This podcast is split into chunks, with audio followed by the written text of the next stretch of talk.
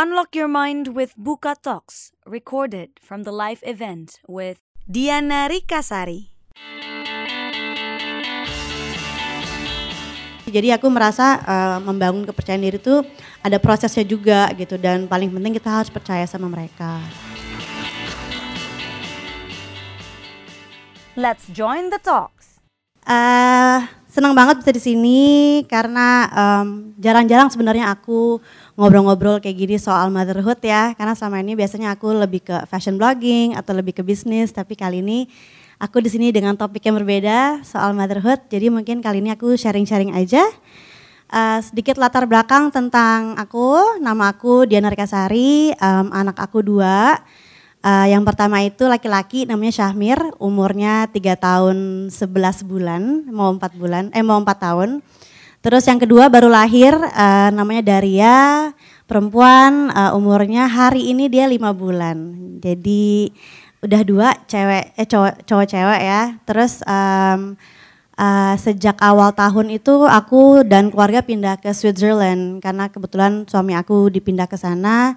Jadi udah hampir setahun aku dan keluarga survive, just the four of us, tanpa keluarga, tanpa nanny atau helper, tanpa supir. Jadi it's a new experience for us gitu. Dan um, hari ini topik yang aku dapetin itu untuk aku sharing adalah mengenai uh, mengajarkan disiplin dan juga tadi apa uh, kepercayaan diri kepada anak ya. Terus terang sih aku mungkin kalau uh, mau kasih tips itu berdasarkan ya pengalaman aku sendiri aja ya. Karena kan aku juga nggak berarti aku expert or something. Karena aku sendiri juga merasa setiap hari aku masih belajar jadi ibu. And every day there's always a new learning. Aku masih terus-terus baca parenting methods dan bagaimana. Dan aku eksperimen lah. Oh mungkin harusnya gini harusnya begitu gitu. Uh, when it comes to ngajarin anak disiplin aku sih ngerasa yang paling penting banget kuncinya satu adalah konsistensi. Karena dengan konsistensi itu akan membentuk habit Eh, dan membentuk habit anak dari kecil itu penting banget karena itu yang akan menjadi karakter dia ketika dia tumbuh besar gitu. Uh, hal contoh-contoh kecil misalnya uh, habitnya setiap hari walaupun masih kecil tapi setiap hari aku selalu berusaha untuk mastiin anak aku tidur dan bangun tidur di jam yang sama. Setiap hari jam 8 harus tidur. At least matiin lampu. Mau dia masih main-main kayak masih aktif tapi lampu udah mati. Jadi itu udah tanda jam 8 tuh waktunya tidur gitu. Jadi nanti mau nggak mau dia main-main di kegelapan itu tiba-tiba plek tidur sendiri gitu. Jadi itu udah ada tandanya dan tiap pagi juga bangun ada waktunya. Jadi uh, itu dari dulu sampai sekarang dan uh, dari dari dia bayi uh, aku udah mendisiplinkan dia tidurnya sendiri di crib nggak sama aku dan memang aku tipe ibu yang nggak terlalu suka ngomong-ngomong Nina Bobo gitu jadi aku taruh gitu dan silahkan tidur sendiri nak gitu. Jadi sampai sekarang dia tidur sendiri jadi aku nggak perlu eong-eong atau apa karena ya itu kan pilihan masing-masing ibu ya. Mungkin kalau aku lebih sukanya dia mandiri bisa tidur sendiri gitu. Dan akhirnya sampai sekarang alhamdulillah dia bisa tidur sendiri dan tidurnya tepat waktu jam 8 kalaupun dia masih gerasa gerusuk gerasa gerusuk paling jam 9 udah tidur. Tapi itu gerasa gerusuknya dalam kegelapan gitu. Terus uh, apalagi ya? Soal disiplin misalnya kayak uh, aku kan sangat suka uh, interior design. Jadi rumah aku sangat uh, penuh dengan pernak-pernik, apa pajangan-pajangan, artworks, patung-patung lah apa gitu. Uh, dan teman-teman aku selalu bilang, Diana kamu yakin rumahnya kayak gitu? Susah loh bersinnya, apalagi punya toddler, pasti digeratakin gitu. Udah deh nggak usah lah, ada pernak-pernik itu pasti dimainin gitu. Terus aku bilang, enggak justru aku tuh pengen mendisiplinkan dia, ngajarin dia bahwa pajangan itu adalah pajangan dan bukan mainan. Jadinya dari kecil memang effort aku lebih besar sebagai pemilik rumah harus bilang itu nggak boleh ya, itu bukan mainan, itu pajangan. Jadi dari kecil aku mengajarkan ini mainan, ini bukan mainan gitu. Awalnya susah karena kan dia pasti ngambil patung inilah, ngambil pajangan inilah, foto diambil-ambil. Tapi aku selalu bilang, "Oh, ini ini bukan ini ya, ini bukan mainan ya, ini bukan mainan ya." gitu. Dan akhirnya lama-lama karena ada konsistensi itu dia jadi disiplin dan sekarang dia udah nggak pernah geratak gitu. Jadi aku bisa punya rumah dengan banyak dekorasi dan pajangan-pajangan, tapi dia nggak geratak sama sekali karena dia sekarang udah tahu boundary-nya bahwa ini adalah mainan, ini bukan mainan gitu. Jadi uh, sepertinya habit dan konsentrasi itu kebentuk ya karena setiap hari dikasih taunya hal yang sama gitu. Dan contohnya dia juga sangat-sangat suka coret-coret tembok gitu. Dan aku mungkin ngerasa kayak mungkin kalau aku nggak ngebolehin juga kasihan mungkin dia emang suka banget. Jadi akhirnya ada konsistensi. Oke okay, uh, ada satu rumah eh, ada satu tembok di rumah yang aku dedikasikan untuk dicoret-coret gitu. Jadi mau coret-coret apa pun mau dikotorin tembok itu boleh tapi hanya tembok itu gitu. Dan dan itu dia akhirnya lama-lama ngerti awalnya masih ke tembok lain dicoret-coret-coret terus habis itu balik lagi no this is your wall gitu. Akhirnya sekarang dia ngerti. Jadi kayak gitu sih cara aku mendisiplinkan anak adalah dengan konsistensi. Jadi pemahamannya dikasih tahu hal yang sama setiap hari sampai akhirnya dia benar-benar ngerti. Kayak gitu. Dah soal kepercayaan diri uh, kepercayaan diri untuk anak itu aku ngerasa satu kunci yang paling penting adalah untuk trust your child.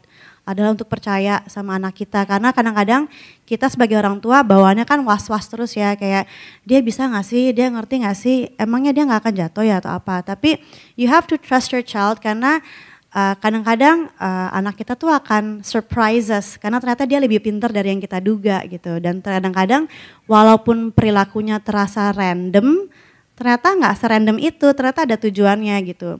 Jadi cara aku untuk trust my child adalah uh, kebetulan anak aku laki-laki yang uh, mau empat tahun itu dia sangat-sangat aktif, dia nggak bisa diem di rumah gitu. Tapi akhirnya aku merasa ya udah deh gini, aku harus trust dia, aku harus percaya dia. Jadi ketika dia mau melakukan sesuatu yang kelihatannya bahaya atau sangat random dan nggak benar, daripada aku stop, aku biarin dia melakukan dulu gitu. Karena aku mau lihat dia sebenarnya mau ngapain sih gitu. Nah setelah aku biarin dia ngapa-ngapain dan aku baru memutuskan, oke okay, tadi tuh sebenarnya nggak boleh atau sebenarnya tadi boleh, cuma aku perlu pakemin gitu. Jadi misalnya kayak uh, contohnya di rumah itu dia kepengen banget manjat uh, dapur gitu. Aku mau, mau naik ke atas kompor, kompor aku kebetulan kompor listrik. Kan aku selalu bilang, nggak boleh sayang ini bahaya banget gini gini gini gini gini.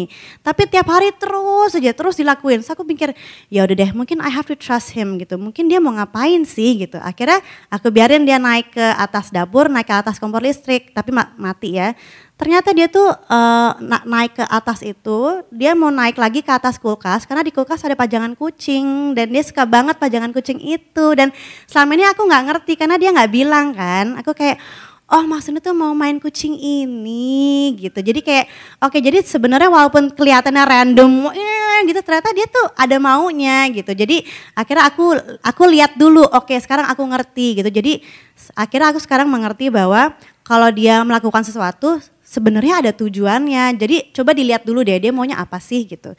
Nanti setelah itu baru deh aku bilang, oke okay, baby next time nggak boleh naik kayak gini bahaya. Kalau mau bilang aja, tunjuk aja, jangan kayak gitu gitu. Jadi uh, tapi awalnya untuk trust your child dulu sih kayak gitu. Terus kayak uh, mengajarkan kepercayaan diri, contohnya apa ya? Kayak misalnya sekarang kan aku tinggal di Switzerland dan kita setiap hari aku nganter dia ke daycare itu naik uh, bus atau naik kereta dan uh, aku sangat takut karena dia kan anaknya petakilan banget lari-lari. Jadi aku merasa oke okay, kayak untuk sebulan pertama kalau jalan aku selalu pegang tangan dia, selalu pegang tangan. Nggak boleh lepas karena aku deg-degan banget.